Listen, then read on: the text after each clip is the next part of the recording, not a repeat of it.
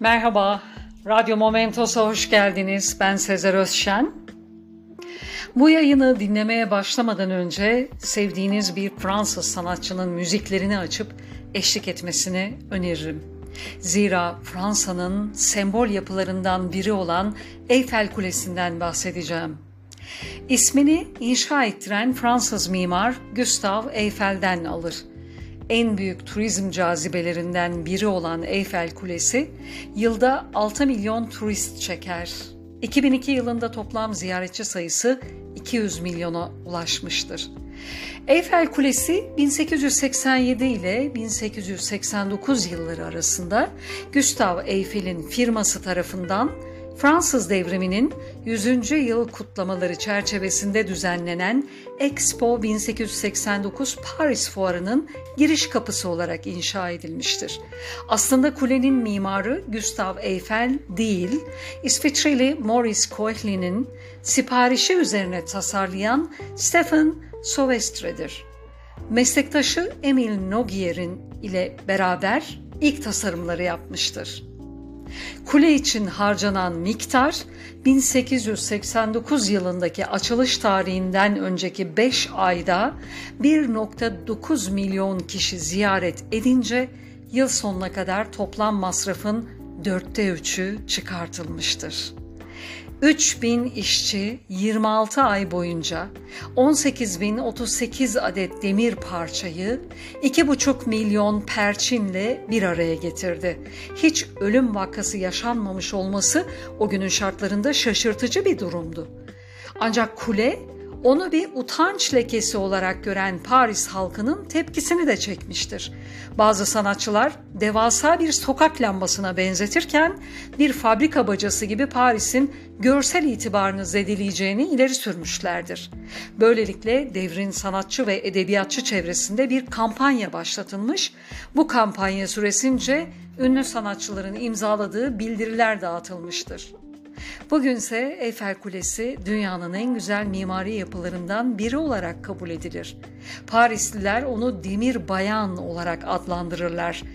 İlk başlarda Eyfel kuleye sadece 20 yıl için müsaade almıştı.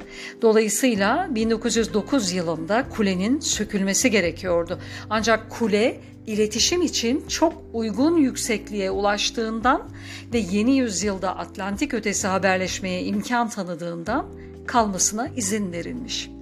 Bu bağlamda Eyfel Kulesi radyo yayıncılığının gelişmesinde önemli rol oynamıştır. Eyfel Kulesi radyo dalgalarını çok uzun mesafelere yayabilmesi avantajıyla Birinci Dünya Savaşı'nda sinyal kesici ve bozucu olarak da kullanılmış. Kule günümüzde Paris'in en çok ziyaret edilen noktası olsa da en tepedeki 27 metrelik radyo vericisiyle halen bir verici istasyonu olarak kullanılmaktadır. Teknik özellikleri ise şöyledir. Eyfel Kulesi 300 metre yüksekliktedir. Zirvesindeki televizyon vericileri 27 metre daha yükseklik kazandırır. Günümüzde yaygın olarak kullanılan çelik yerine demirden inşa edilmiş özel teknikler sayesinde günümüze kadar sağlam olarak gelmiştir.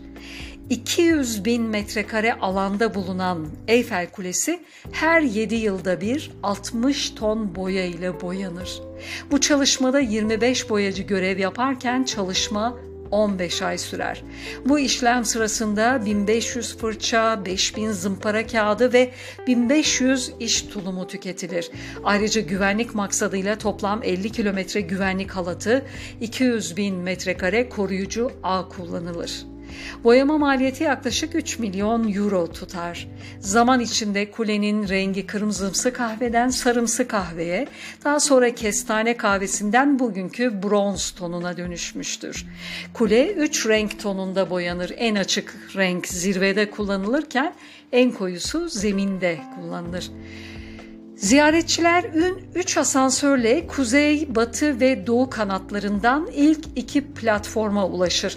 İlk ve ikinci katlarda lokantalar mevcuttur. Ayrıca ilk katta Eyfel Kulesi'nin tarihinin anlatıldığı bir sergi bulunur. En üst platforma ulaşmak isteyen bir ziyaretçi ikinci katta aktarma yapar ve başka bir asansöre geçer. En üst platform hem çatılı hem de üstü açık bir alana sahiptir.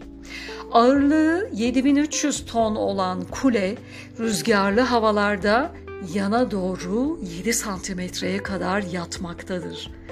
Görselliği ve tarihiyle milyonlarca turiste kapılarını açan Eyfel Kulesi, şimdiye kadar birçok şarkı ve filmin de baş sembollerinden biri olmuştur. Aynı zamanda aşkın da önemli sembollerinden biri olarak tarihte yer almıştır. Dinlediğiniz için teşekkürler.